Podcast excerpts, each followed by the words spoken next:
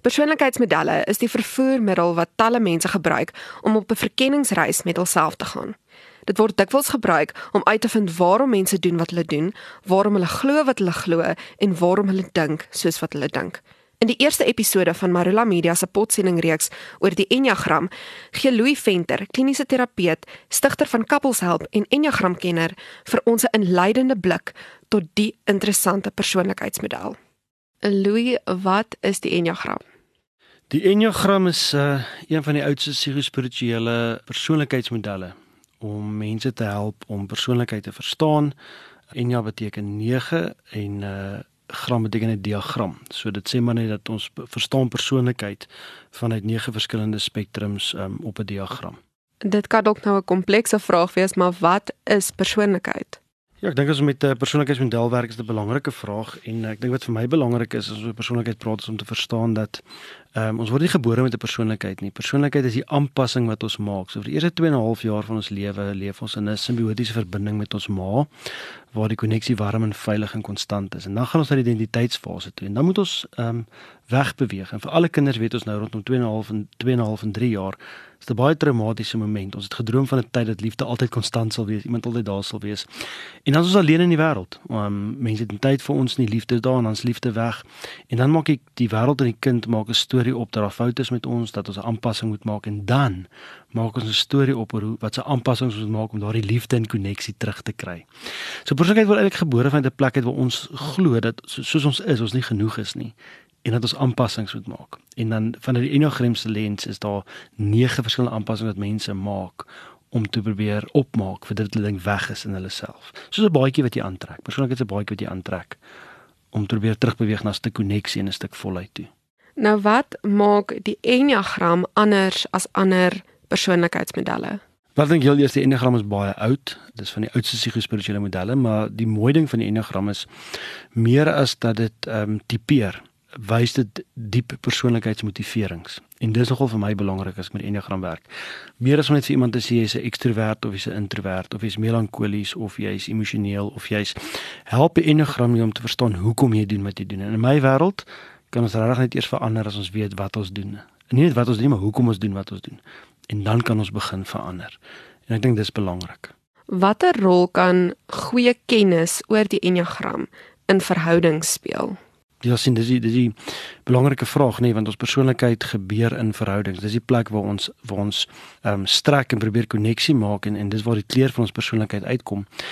En um, as ons as ons vir onsself sê dat ehm um, die die die persoonlikheid is 'n aanpassing omdat ons dink ons is goed genoeg nie, dat klomp wat ons opgee, daar's klomp wat ons gaan praat van blinde kolle, klomp skade wees. So ehm um, kennis van die enneagram leer ons net dat ons daar baie projeksies is van ons kant af. Ons projekteer ongelooflik baie. Daar's 'n groot stuk ontkenning by ons ons vra vir dinge wat onrealisties in verhoudings is. Ons sien die wêreld net deur ons lens. Dit maak seer. Is ons moeilik om te gee, moeilik om te ontvang.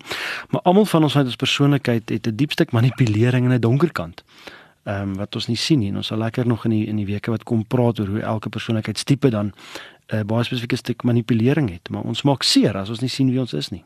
Hoekom is dit vir mense nodig om te verstaan waarom hulle doen wat hulle doen? Is daar persoonlike ontwikkeling en groei wat daarin opgesluit lê?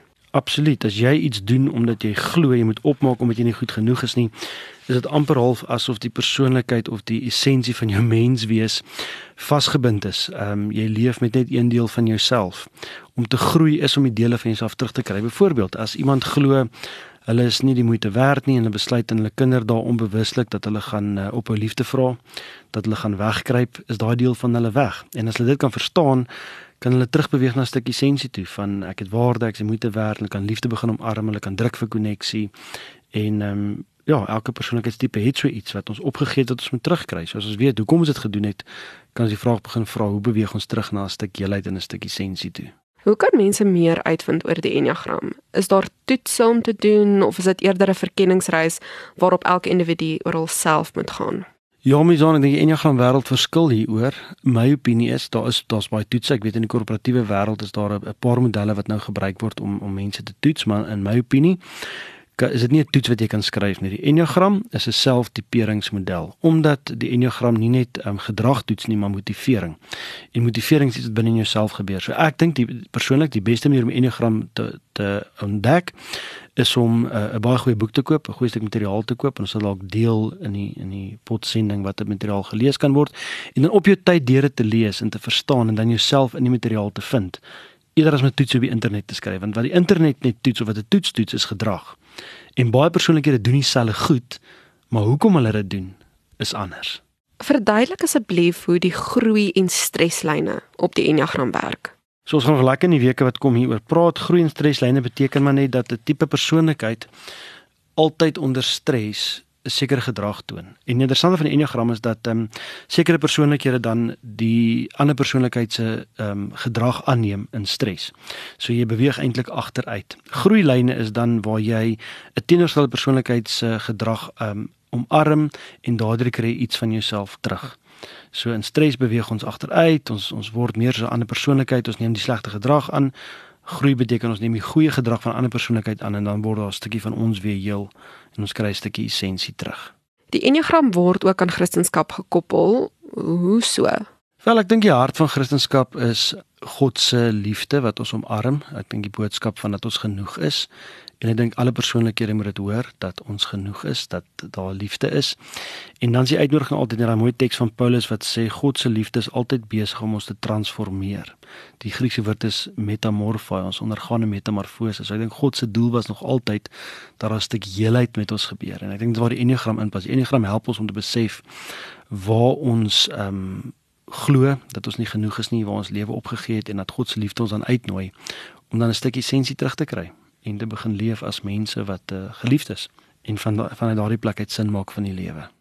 Skakel volgende week in vir die volgende aflewering van Marula Media se potsending reeks oor die Enneagram wanneer ons oor tipe 1, oftewel die perfeksionis gesels.